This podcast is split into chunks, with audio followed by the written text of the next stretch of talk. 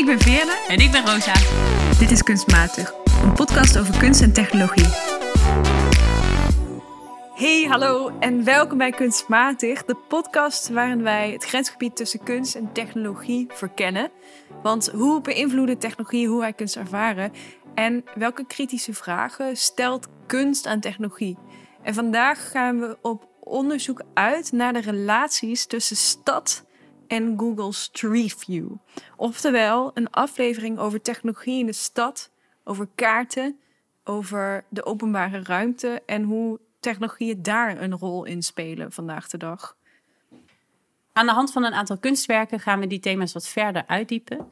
Waar we heel geïnteresseerd in zijn, is hoe de stad steeds meer zichtbaar gemaakt wordt door technologie ons misschien ook wel anders door de stad bewegen door de technologieën die er zijn. Denk bijvoorbeeld aan Google Maps, Google Street View.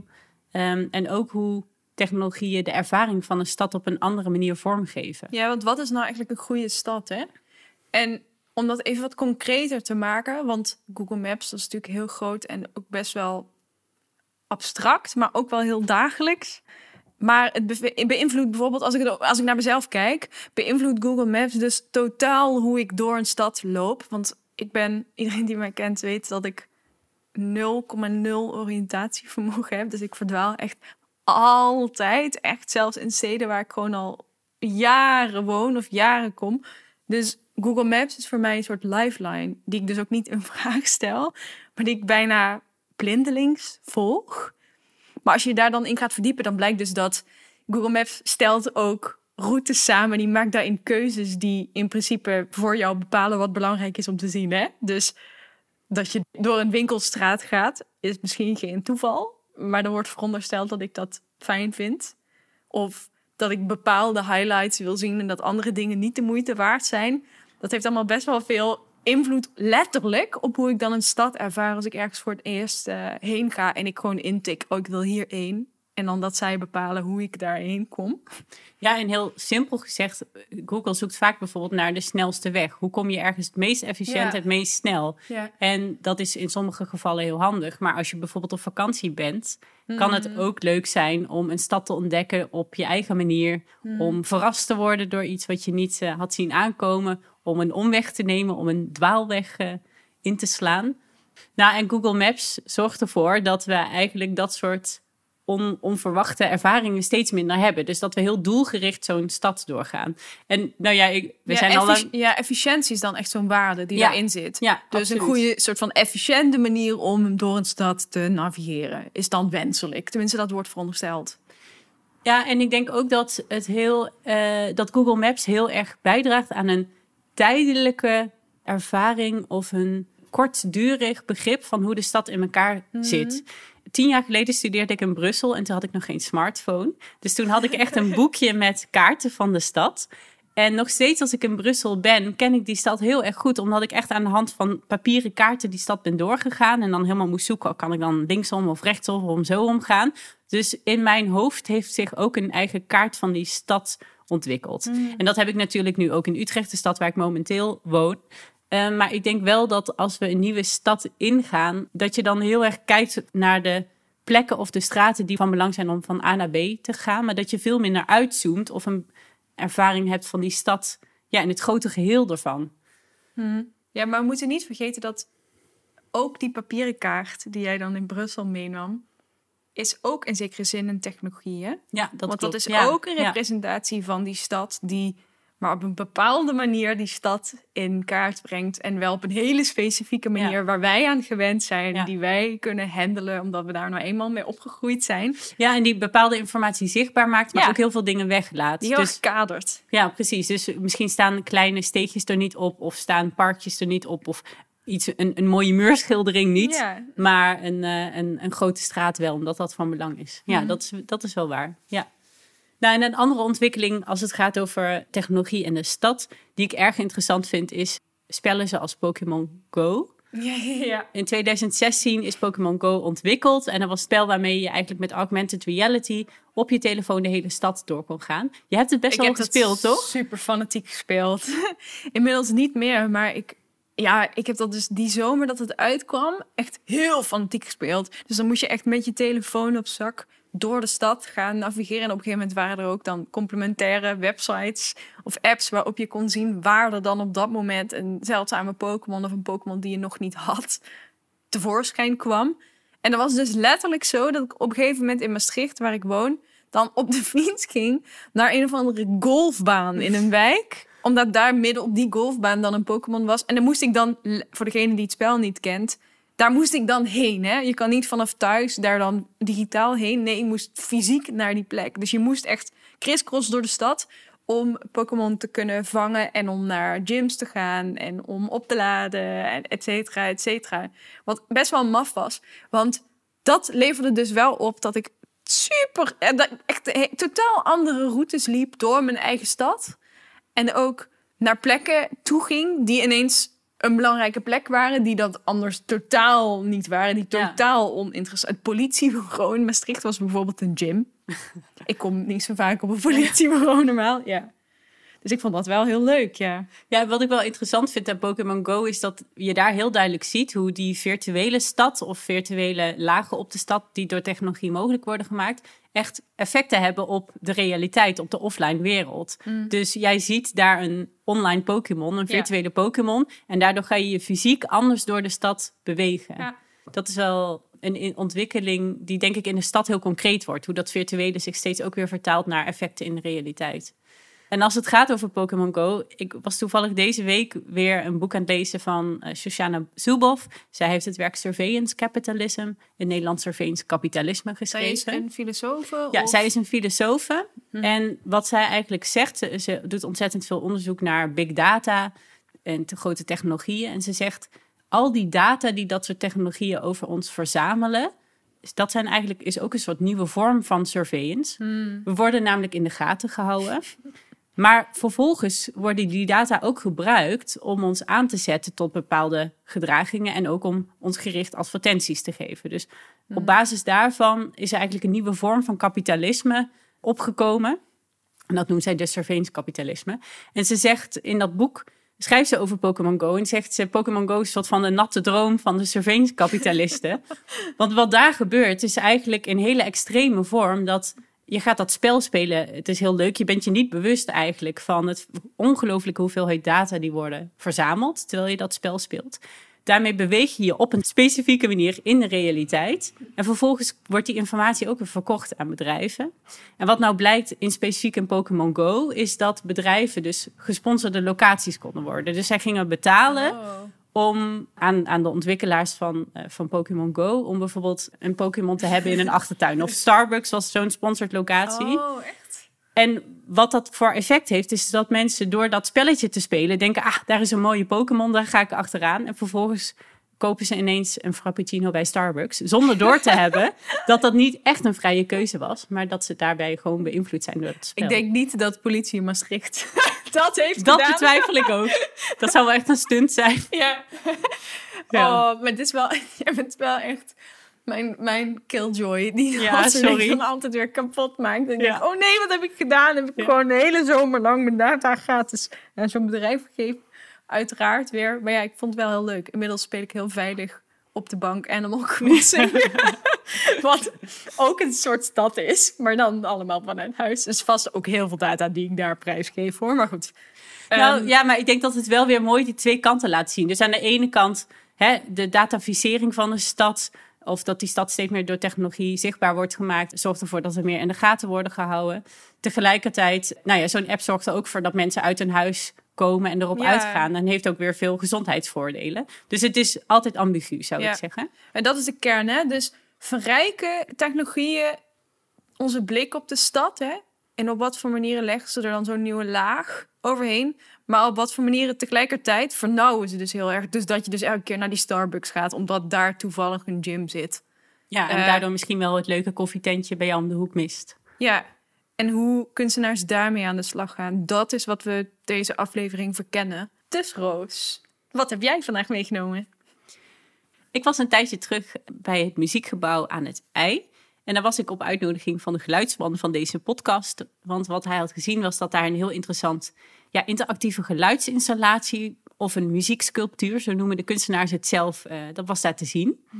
En het gaat om het werk Raumklang. Van Robin Koek en Zeno van den Broek. Twee eh, kunstenaars. En het was een hele ervaring. Dus we kwamen binnen en we kregen een soort rugzakje om eh, met twee houten kastjes daarin en een hele grote koptelefoon. En toen werden we losgelaten in een hele lege ruimte daar in een muziekgebouw aan het ei. Nou, wat er vervolgens gebeurde is dat we eigenlijk op een soort speurtocht konden gaan door de ruimte heen. En overal waar je liep hoorde je dus een ander geluid. Vet. En het was niet, het waren geen losse geluiden, die liepen ook in elkaar over. Eh, en je kon eigenlijk zo vrij door de ruimte bewegen en op zoek gaan naar de hoekjes en andere plekken en met je hoofd bewegen en zo steeds een andere ervaring hebben van het geluid. En het is een, een muzieksculptuur die, die de kunstenaars speciaal hebben gemaakt, ook voor die ruimte, dus in Amsterdam. En wat ze hebben gedaan is allerlei geluiden in de omgeving opgenomen en daar een soort audiosculptuur van gemaakt. In de omgeving van het gebouw. Precies, ja. Hmm. Dus je hoorde bijvoorbeeld trams, geluiden, je hoorde bouwvakkers aan het werk, eh, je hoorde het geluid van het ei, van de pontjes die daar op en af varen. Dus het was een soort soundscape van de stad die je kon ontdekken door je door die ruimte te begeven. Hmm. En wat ik heel interessant vond was dat je en door, de, door je zelf door de ruimte te verplaatsen andere dingen hoorde. Maar ook door je hoofd zeg maar links en rechts te draaien of door omhoog of naar beneden te kijken veranderde de, de sterkte van het geluid ook heel erg. Oh. En het type geluid dat je hoorde. Dus dat vond ik een hele, ja, wel verfrissende ervaring. Omdat je dus helemaal niks ziet en volledig af moet gaan op wat je hoort. Mhm. En wat ik er ook tof aan vond, is dat eigenlijk elke bezoeker een unieke ervaring heeft. Dus je kunt nooit precies alles horen. Je kunt wel je best doen om dat te doen. En je stelt eigenlijk je eigen compositie samen door op jouw manier door die ruimte te begeven. En dan krijg je dus ook dat je gaat denken, ah, ik zie daar in een hoek iemand staan. Wat zou die persoon horen? Eh, of dat je naar elkaar gaat wenken van, eh, kom hier, dit is een tof geluid. of, eh. Dus dat is een hele andere manier van zo'n soort soundscape ervaren, die ik eigenlijk best wel meditatief vond, bijna. Dus ook al waren het eigenlijk helemaal niet zo'n prettige geluiden, zoals verkeer of eh, geluid van, van bouwwerkzaamheden. Ja. Toch was het heel rustgevend door de manier waarop het ook was samengesteld, denk ik. Ja, want hoe ging jij dan navigeren bijvoorbeeld? Merkte je dat je bepaalde keuzes ging maken of voorkeur had voor bepaalde geluiden? Op het begin heel wild. Toen wilde ik gewoon. ja, Oké. ja, op het begin wilde ik gewoon heel snel door die ruimte en alles ontdekken en zien. En dan langzamerhand kom je wat meer in die rust. En ging ik ook langer ergens stilstaan. En je ontdekte ook steeds meer dingen. Dus je kreeg niet zo'n hele duidelijke instructie. Het was gewoon ga, ga lopen, overal zijn geluiden. En eh, voel je vrij om je door de ruimte te bewegen. En langzamerhand merkte je ook zelf hoe dat dan werkte. Dus toen merkte ik van oké, als ik zo mijn hoofd eh, schuif of beweeg, dan hoor ik weer andere dingen. Dan wordt het weer harder, dan wordt het weer zachter. Dus langzamerhand kwam er ook in mij een soort rust in hoe ik me door die ruimte ging begeven. Dat vond ik wel heel interessant. En de ruimte zelf was dus een hele hoge ruimte met uitzicht op het ei en dan met heel veel beton en een houten vloer. Dus het was wel een mooie ruimte op zich. Eh, maar er was verder niet zo heel veel te zien waardoor je afgeleid kon raken. Dus dat zorgde er wel voor dat je helemaal op kon opgaan in geluidswerk. Doet mij super erg denken aan het werk van John Cage, van een componist uit de 20e eeuw. Ik ben in mijn werk heel veel met klassieke muziek bezig. Hè. Ik doe onderzoek naar hoe orkesten hun praktijken vernieuwen en zo. Even voor als je dat vergeten was, luisteraar. En John Cage was een componist die bevraagde als een van de eerste... waarom vinden wij sommige dingen wel de moeite waard om naar te luisteren en andere dingen niet? Wij zijn getraind in ons dagelijks leven om inderdaad te denken... drillboor op straat, lawaai, niet de moeite Ja, waard om naar ja. te luisteren. Moet je niet willen horen. Eh, auto's die langs razen, niet de moeite waard om naar te luisteren. Lelijk geluid. Muziek, gecomponeerde muziek, wel de moeite waard. Moet je je op focussen, moet je goed naar luisteren. Eh, moet je op een andere manier naar luisteren met aandacht en met zorg. En, en hij problematiseerde dat onderscheid. Want hij zei, ik ben geïnteresseerd in al het geluid. Ik vind al het geluid mooi. Als je goed luistert, is ook het voorbijrazende geluid van de auto. Zit daar heel veel moois in. Dus hij woonde, het is echt een heel bekend verhaal. Hij woonde dus op Fifth Avenue in New York. En hij zat, zet, daar heb je heel veel filmpjes van, dat hij zijn ramen openzet. En dat hij gewoon beschrijft hoe hij geniet van dat geluid. Dat anderen maar zomaar als lawaai bestempelen, omdat we dat nou eenmaal gewend zijn. En wat we dan doen als het lawaai is, is proberen het zoveel mogelijk weg te filteren. Ik bedoel, hoeveel mensen hebben er vandaag de dag niet een uh, noise cancelling headphone, waardoor je überhaupt je omgevingsgeluid niet meer hoort. Dus ik vind het super mooi dat je ook zegt dat je in die installatie dus een compositie maakt met dat alledaagse geluid waar je normaal niet eens naar luistert. Want jij neemt heel vaak dat pontje. Ja, precies. Nou, en het ironische is ook dat dat gebouw is een muziekgebouw. Dat is zo gebouwd, architectonisch gezien, dat al het geluid van buiten wordt geweerd. Ja, maar dat is een akoestisch Precies. goed tussen aanhalingstekens gebouw, hè? zoals we dat afgesproken hebben. Precies. Ja. Maar daarbinnen, vervolgens wordt door die geluidsinstallatie dat geluid van buiten eigenlijk weer naar binnen gehaald. En nou, ik vind het wel heel mooi, die vergelijking die je maakt met John Cage. Want ik denk inderdaad dat het daar heel erg over gaat. Op een mm. andere manier je te laten luisteren naar de geluid die we normaal zelfs in ons hoofd misschien wegfilteren, mm. maar die wel heel essentieel zijn voor de ervaring van een stad. Want bijvoorbeeld dat tramgeluid of dat pontjegeluid, dat zullen Amsterdammers echt wel herkennen als iets wat bij hun stad hoort. En, en wat ik ook interessant aan het werk vond, was het technologische gedeelte. Dus in het kastje op je rug zit een soort ontvanger. Mhm. En door het gebouw heen hangen allemaal wifi-ontvangers. Oh, en op basis daarvan ja, registreert het apparaatje eigenlijk waar je bent. En hoor je dus die specifieke geluiden. Ah. En dat zorgt er ook voor dat het uh, nou best wel veel mogelijkheden biedt voor toepassingen in andere contexten. Het heeft best wel lang geduurd om die technologie te ontwikkelen. Maar ik denk nu, nu die er eenmaal is, dat het project best wel veel uh, nou, nieuwe kanten op kan gaan. En nieuwe ontwikkelingen zou kunnen doormaken. En, maar dat is wel grappig, want dit werk verrijkt misschien niet zozeer de blik op de stad maar legt je aandacht op iets wat er altijd is en wat altijd een rol speelt in het navigeren van je, binnen je stad, maar waar je je misschien nooit bewust van bent. Ja, precies. En wat ik heel mooi vond, dat zei uh, Jelle, onze geluidsman. Hij zei: Ik kan me voorstellen dat deze technologie, deze techniek en dit kunstwerk ook heel mooi kan worden ingezet als een manier om steden die misschien gesloopt worden of buurten die gesloopt worden te bewaren in geluid. Want de hmm. plek waar je woont heeft altijd een heel specifiek geluid. En ik vond dat wel een heel mooi idee dat je een soort soundscape vastlegt van een buurt die bijvoorbeeld weg moet. En zo kunt vastblijven houden aan die herinnering van het geluid. Want we documenteren dat soort plekken vaak vooral aan de hand van beeld. Hmm. Ehm, maar hoe mooi als je dat ook door geluid zou kunnen doen. En ook op diezelfde plek. Dat als er een nieuwe wijk wordt gebouwd, dat je daar aan de hand van zo'n audiotour kunt luisteren hoe het vroeger klonk. En nou, ik vond dat een heel mooi idee van hem. En ik kan me wel voorstellen dat dat zeker iets is waar deze. Nou, waar dit werk naartoe zou kunnen gaan. Of ja, het zich verder zou kunnen ontwikkelen. Er is een project geweest, een poosje terug. Ik was het heel even aan het opzoeken. Van de Universiteit Maastricht. In samenwerking met het Amsterdam Museum. Ehm, en dat was, eh, de Universiteit Maastricht doet veel onderzoek naar sound studies. Hè? Dus naar geluid en de rol daarvan in de geschiedenis en dergelijke. En samen met het Amsterdam Museum vroegen zij dus precies zich dat af. Ah, Kun nou, je luisteren naar het verleden? En hoe klonk een stad vroeger anders dan nu? Uh, en hadden geluiden ook een andere betekenis. Hè? Dus zoals wij waarde geven aan bepaalde geluiden, van dit is wel mooi, dit is niet mooi, verandert dat ook door de, door de tijd heen. Dus alleen al het idee van waar je nu motorgeluid hoort en trams, hoorde je toen paardenhoeven, karren. Ja, uh, Totaal andere verkeersgeluiden.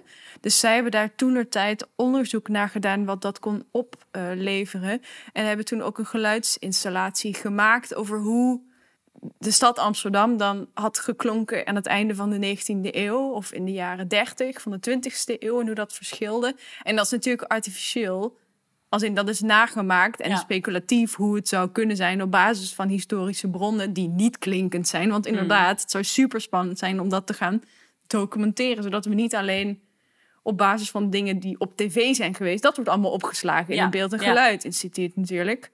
Maar alledaagse geluiden, ja, dat zou super, super interessant zijn. Nou, en wat. Om voorbij een soort visuele bias te gaan. Ja, en wat ik dan wel ook merkte, is het, het fijne was dat je dus dat, die ervaring kon hebben, maar wel zelf de regie had over wat je dan wilde horen. En als je geluid niet fijn vond, kon je ook gewoon weglopen. En dat je dus de hele tijd in beweging was. Hmm. Want ik, ik denk dat we echt iets van 40 minuten binnen zijn geweest. Maar ik denk als ik dit als een audioscape had geluisterd zonder te lopen, nou, dan had ik het misschien vijf minuten volgehouden. Dat snap ik helemaal. Want dan word ik Ja. een beetje kriebelig van dit soort dingen. Maar het was juist doordat ik hierdoor doorheen kon lopen, dat ik ook wat te doen had, zeg maar. eh, dat ik juist mijn aandacht beter vast kon houden. Ja, weet je nog dat wij ooit... Ja, daar moest ik aan denken. Ja. ooit op de middelbare school hadden we een soort kunst- en cultuurdag. ja. En toen moesten we naar een audio... Een soort soundscape, een Ja. audio kunstwerk Nou, hoofd luisteren. duurde het een uur. Ja, dat zal niet zo zijn geweest, want we waren veertien en opstandig waarschijnlijk. Maar dat was een soort geschiedenis van Maastricht in geluid. En daar heb ik jaren voor nodig gehad om overheen te komen. Ja. Omdat daar moest je dus inderdaad gaan zitten en maar luisteren. En het was ook heel erg hoorspelachtig. Ja. Ik kan me dus nog herinneren dat je op een gegeven moment zo hoorde van... De Romeinen komen! En dan alsof er een heel leger aangerend kwam over een soort grindpad. En dat stuk over die Romeinen duurde dan ook heel lang, omdat het klopte met die historische periode. En er zijn gewoon lang Romeinen geweest. Dus Ja, dus ik denk dat er in de tussentijd heel veel is ontwikkeld op het gebied van hoe je een stad in geluid kan vormgeven. Dat is wel heel spannend, want inderdaad, die technologie die deze kunstenaars ontwikkeld hebben, dat biedt heel nieuwe kansen om dat je eigen te maken. ja, En daarmee misschien minder opgelegd te zijn. En meer vanuit die zintuigelijkheid en de eigen ervaring te gaan luisteren en echt te moeten luisteren. In plaats van dat je weer voorgeschoteld krijgt waar je naar moet luisteren. Dus kunst of matig. ik ben erg enthousiast over dit werk. Vooral ook omdat ik denk dat het heel veel potentie biedt voor de toekomst. Ik denk dat het in heel veel interessante contexten verder ontwikkeld kan worden. Ik vond het leuk om een keer op een andere manier naar geluiden te luisteren waar ik normaal me aan erger. Dus dat heeft me zeker aan het denken gezet. Want ik heb ook net een noise cancelling headphone vanwege de verbouwing van de buren. Wist ik, ja. Ehm, dus het was wel tof om te zien dat dat soort geluiden ook bijna meditatief kunnen worden.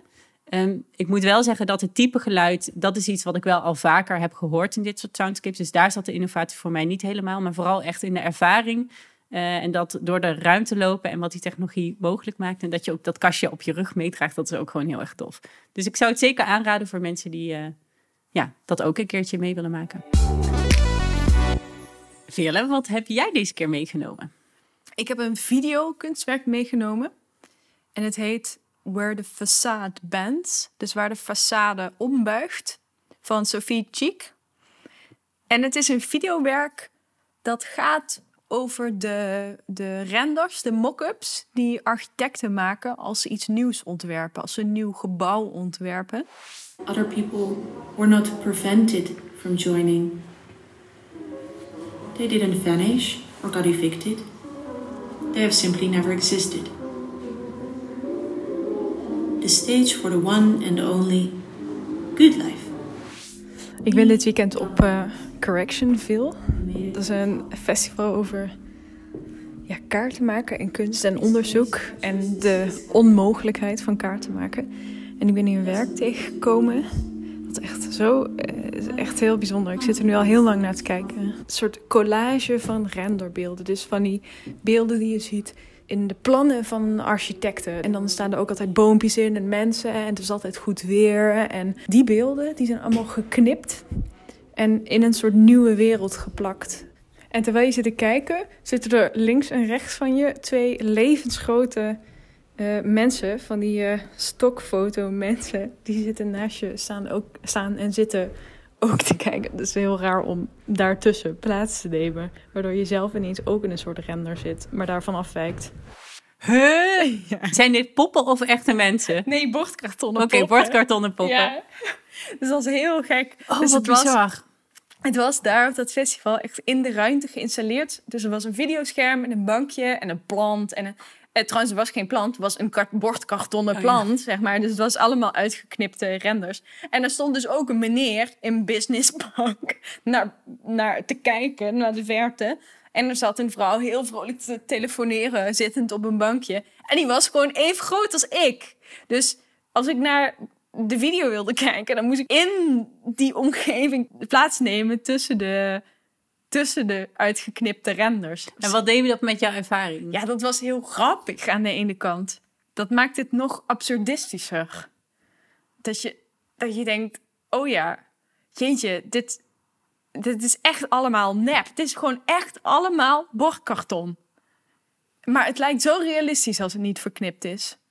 Wat eh, Sophie zegt, zij is vorig jaar afgestudeerd van de Koninklijke Academie voor de Kunsten in Den Haag. Ehm, er is een heel gek soort hyperperfectie die in dat soort renders zit. Dus het is een hele specifieke representatie van wat een stad is of wat een stad zou moeten zijn. Wat ideaal zou zijn. En het wordt gepresenteerd alsof er een soort neutraal beeld is. Ja, Een soort ja. algemeen beeld. Maar zij zegt, zij vindt het heel interessant dat dat volledig eh, gebouwd is, gestoeld is op een soort consumentisme. Dus dat het allemaal clean en snel en flitsend moet zijn. En op hele kapitalistische normen.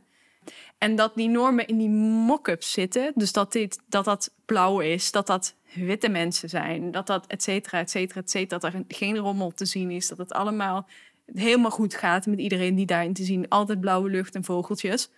Zelfs zij denkt dat dat een impact heeft op hoe wij nadenken over de publieke ruimte. En hoe wat wij voorstellen als een ideale publieke ruimte. Dat die voorstellingen daarvan, die we allemaal kennen, die we allemaal wel eens gezien hebben, dat dat heel erg beïnvloedt hoe wij nadenken over een stad en wat we dan verwachten en wat we dan een goede stad zouden vinden. Ehm, ze heeft daar onderzoek naar gedaan naar hoe dat soort renders worden eh, vormgegeven en wat daar terugkerende elementen in zijn.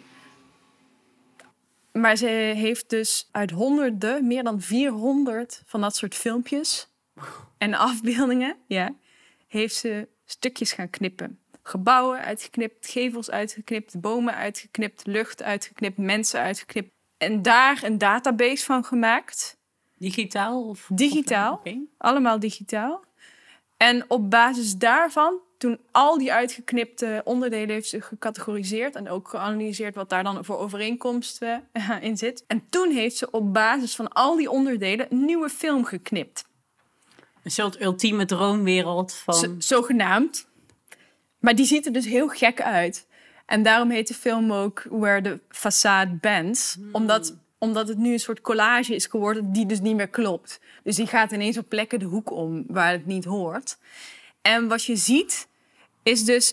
Het videowerk is in feite alsof het zo'n filmpje is... dat door een architectenbureau wordt gedeeld. Dus er zit ook een voice-over die teksten, teksten deelt... die deels uit die filmpjes komen maar ook heel ironisch zijn. Het is alsof het een spotje is, maar dan veel te dik er bovenop. Hè? Als ik dat werk, dat keerde het heel erg om naar mij.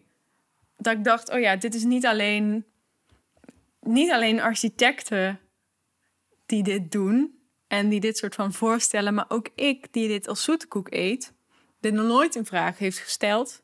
Dat dit is hoe gebouwen en nieuwe pleinen aan mij voorgesteld worden. En dat ik dan nooit eens twee keer nadenk van... Hmm, hoe gaat dat nou eigenlijk eruit zien als het regent? Of is het eigenlijk wel fijn dat dat zo'n grote open ruimte is? En hoe ga ik me daar s'avonds voelen?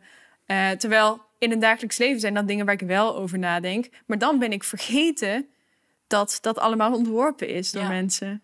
Ja, terwijl architecten ontwerpen dit soort dingen natuurlijk om nou, hun werk te verkopen. Om een beeld te schetsen van hoe dat eruit gaat zien. En om ons op basis daarvan te overtuigen om met hun in zee te gaan. Maar wat je zegt, volgens mij is dat het werk jou doet inzien dat dat niet alleen eh, op die verkooprelatie een invloed heeft, maar überhaupt een invloed heeft op hoe wij naar de toekomst misschien kijken of de toekomst van de stad en hoe we daarbij de neiging hebben om dat soort problematiek of de viezige dingen of.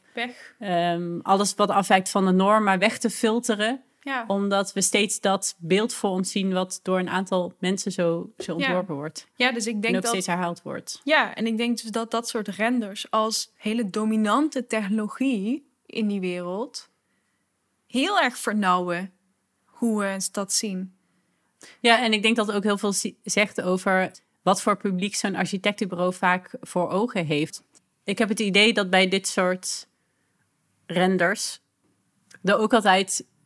Dus dingen worden weggelaten, maar daarbij wordt er ook iets gezegd over wat dat soort architectuur zou kunnen bereiken. Ah, ja, Zo van, als we dit maar allemaal heel netjes hier bouwen en daar heel veel geld in investeren, dan heeft iedereen ineens een woning, is de Ja. woningproblematiek opgelost. Ja, inderdaad, ja. Ja. Dat, eh, dat soort ruimtelijke ontwerpen dan de oplossing in zichzelf moeten zijn. Ja. Of dat je, ik weet dat op een gegeven moment in Heerlen, een stad in Zuid-Limburg, eh, was heel veel drugsproblematiek. Eind jaren 90, begin 2000 volgens mij ook nog. En dat werd toen op een gegeven moment opgelost door dan hekken neer te zetten om openbare plekken waar dus problematiek was. Met het idee van, nou dan is het opgelost. Terwijl, Er Ja, is niks opgelost. er is Je niks opgelost. alleen mensen uit die ruimte en je maakt het nog meer onzichtbaar. ja, Ja. Dus ja, ik weet niet hoe het verband is natuurlijk tussen dat soort ontwerpen en, en deze praktijk. Ja. Maar die tendens van onzichtbaar maken Ja. als oplossing, die zie ik wel in allebei. En dan kun je je afvragen in hoeverre eh, die technologische mogelijkheden dan inderdaad ook soms tot problemen leiden. En tot bepaalde normen en waarden en een beeld van wat een goede stad is leiden die ja, verre van ideaal zijn. Die ook heel veel dingen onzichtbaar maken die misschien wel zichtbaar zouden moeten zijn in zo'n render of in zo'n plan. Of eh, misschien heb je wel verschillende scenario's nodig. Of iemand die zegt, "Hmm, het is wel, dat is wel een akelig hoekje. Wat zou daar eventueel kunnen gebeuren? Het klinkt voor mij als een ontzettend interessant werk. Je hebt me echt enthousiast gemaakt. Ik zou het graag een keer willen zien. Weet je of het ergens Je kan het online ook wordt? bekijken. Oké, en waar kunnen we dat zien? Ja, dat staat in de show notes Dat natuurlijk. staat in de show notes. Ja, dan komen we tot de eindconclusie. Is dit nou kunst of matig? Ja, je kan eigenlijk al wel raden dat het kunst is, ehm, wat mij betreft. Dat het een heel boeiend werk is dat tot heel veel nadenken en discussie aanzet op een leuke manier. En dat bovendien een werk is met heel veel humor. Het is gewoon ook heel grappig, want het is een video die in principe niet klopt. En ik denk dat het op die manier een heel belangrijk werk is, in dat het zowel de architectuur en het beroep van architecten en de verantwoordelijkheden van een architect in het voorstellen van stedelijke ruimte bevraagt. Maar dat het ook inzichtelijk maakt hoe de technologie die gebruikt wordt heel dwingend kan zijn. Ja. En ook kan vernauwen. Omdat we nou eenmaal dat op die manier doen met die technologie, blijft dat maar doorgaan, omdat dat ook de makkelijke route is of is geworden. Dus ik denk dat het een heel ehm, verrijkend werk is.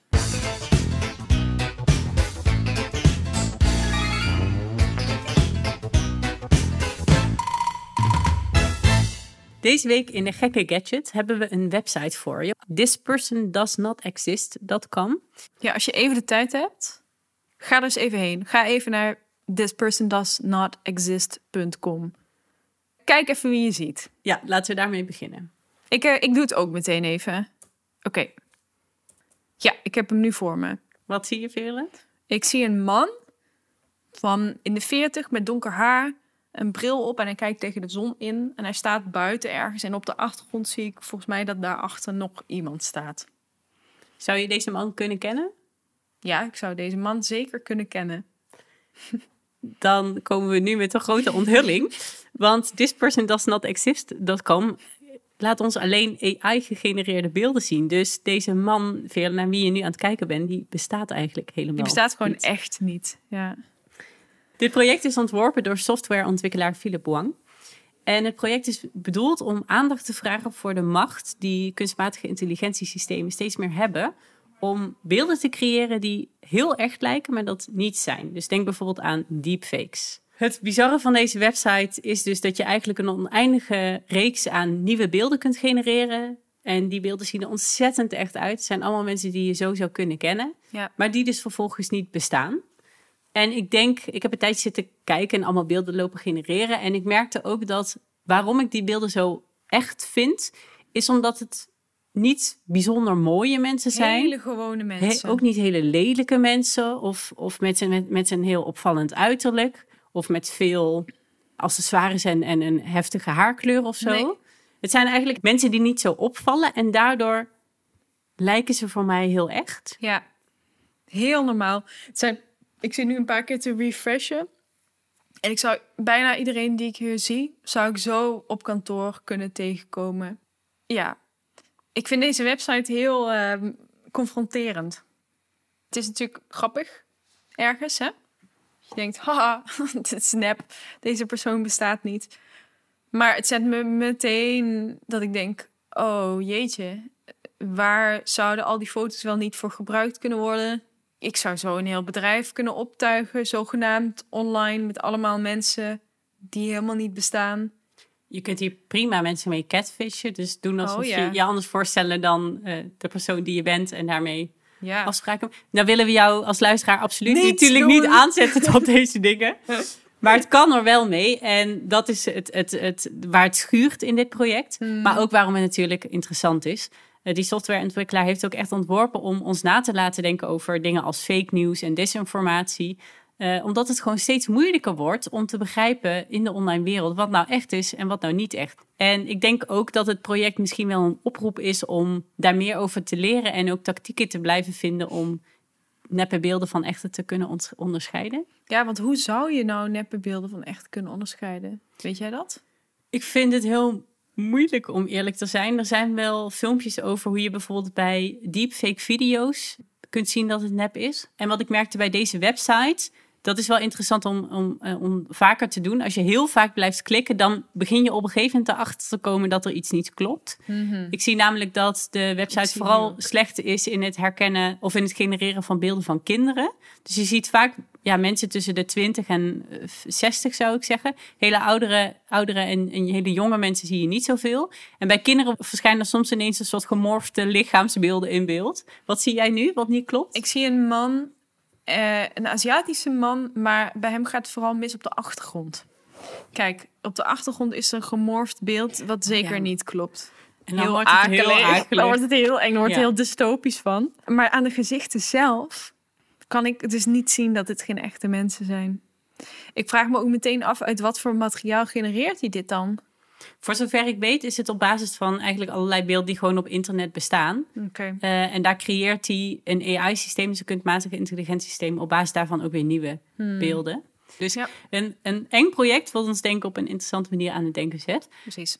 We zijn natuurlijk ook heel benieuwd als jullie het zelf als luisteraars gaan uitproberen. Kom je gekke dingen tegen? Eh, zie jij dit ook als een echt gezicht? Of zie jij aanwijzingen maar aan me kunnen zien dat het niet echt is? Laat het ons vooral weten. We zijn heel erg benieuwd. Ja, en deze gadget is niet bedoeld als tip.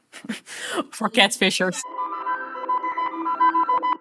Op een sokkeltje.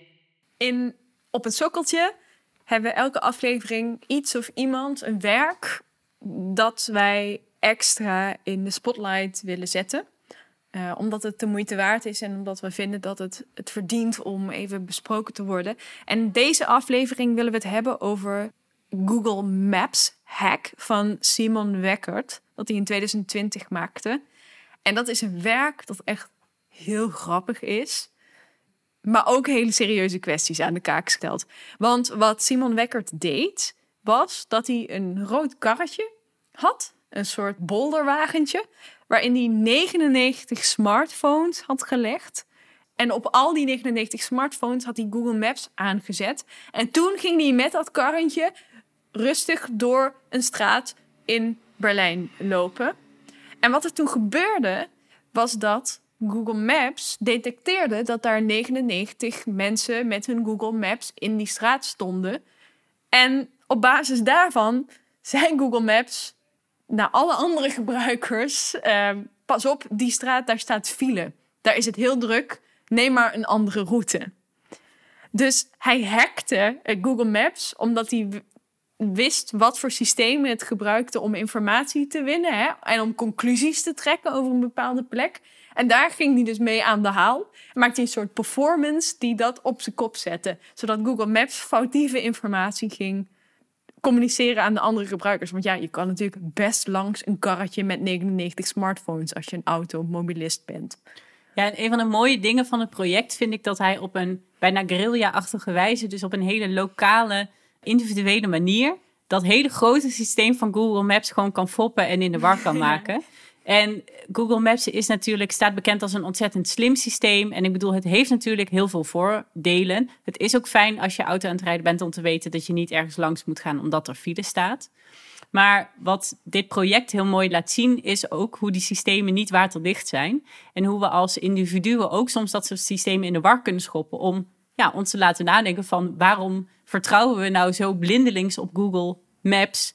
En kijken we niet even zelf eh, hoe we willen rijden. Het doet me ook denken aan, ik denk dat het veel mensen wel eens gebeurt dat ze de deur uitstappen, denkende dat het droog is, want dat zij een weer-app en dat het dan toch ineens gaat regenen. Ja. Dat vind ik ook precies zo'n voorbeeld waarbij de online ervaring of de virtuele kennis die we zien bepaalt hoe we ons gaan gedragen in de, in de offline wereld.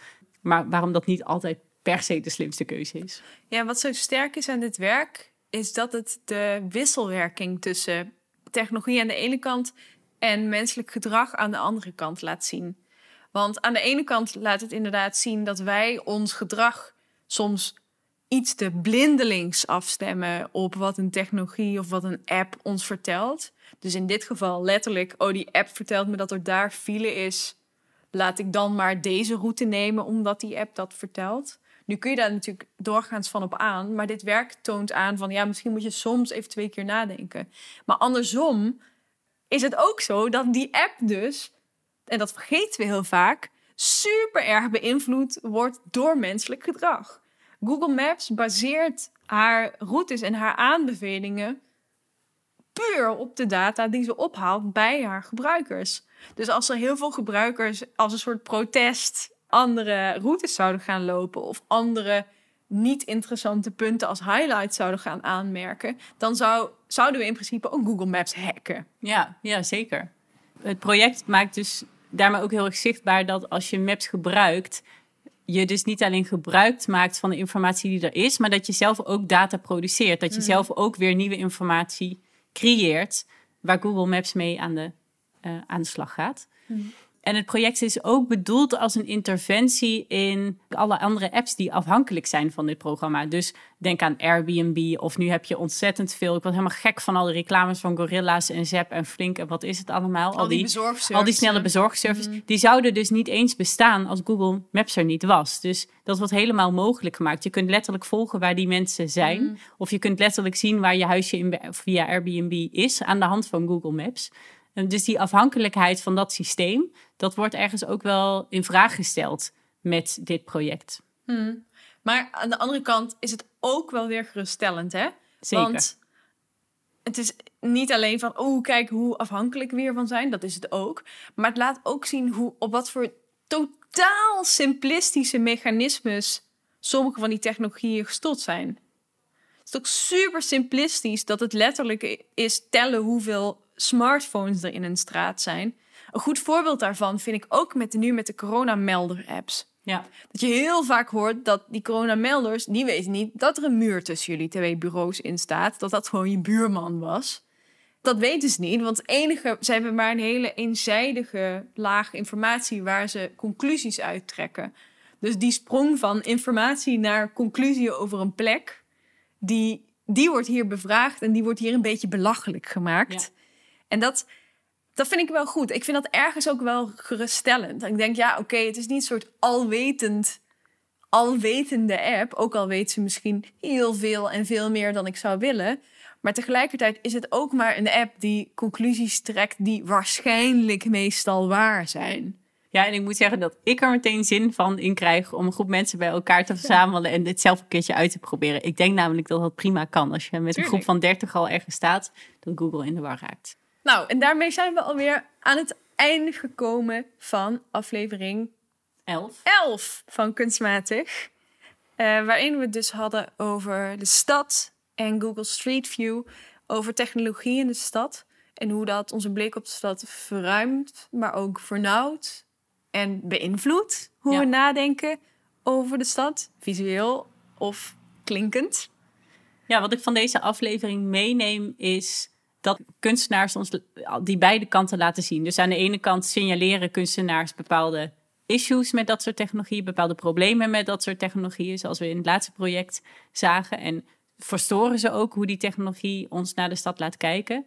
Maar aan de andere kant kunnen technologieën zoals het audiokunstwerk, wat ik besprak, ehm, er ook voor zorgen dat we de stad op een andere manier ervaren en misschien wel met meer aandacht gaan luisteren of kijken naar dingen die we anders, waar we anders niet zo bij stilstaan. Ja, en ik ben ook wel aan het nadenken gezet over hoe snel bepaalde ontwikkelingen gaan. In de zin van, ik vraag me meteen af of over vier jaar Google Maps nog steeds gehackt kan worden door met een karretje door een straat te lopen met allemaal tweedehands telefoons. Weet ik niet. Hoe snel die technologieën leren, dat vraag ik me af, ook aan de hand van de gadget. Hè? Als je daar ziet wat daar nou gedaan kan worden, denk ik, ja, oei, dat kon een paar jaar geleden echt nog niet.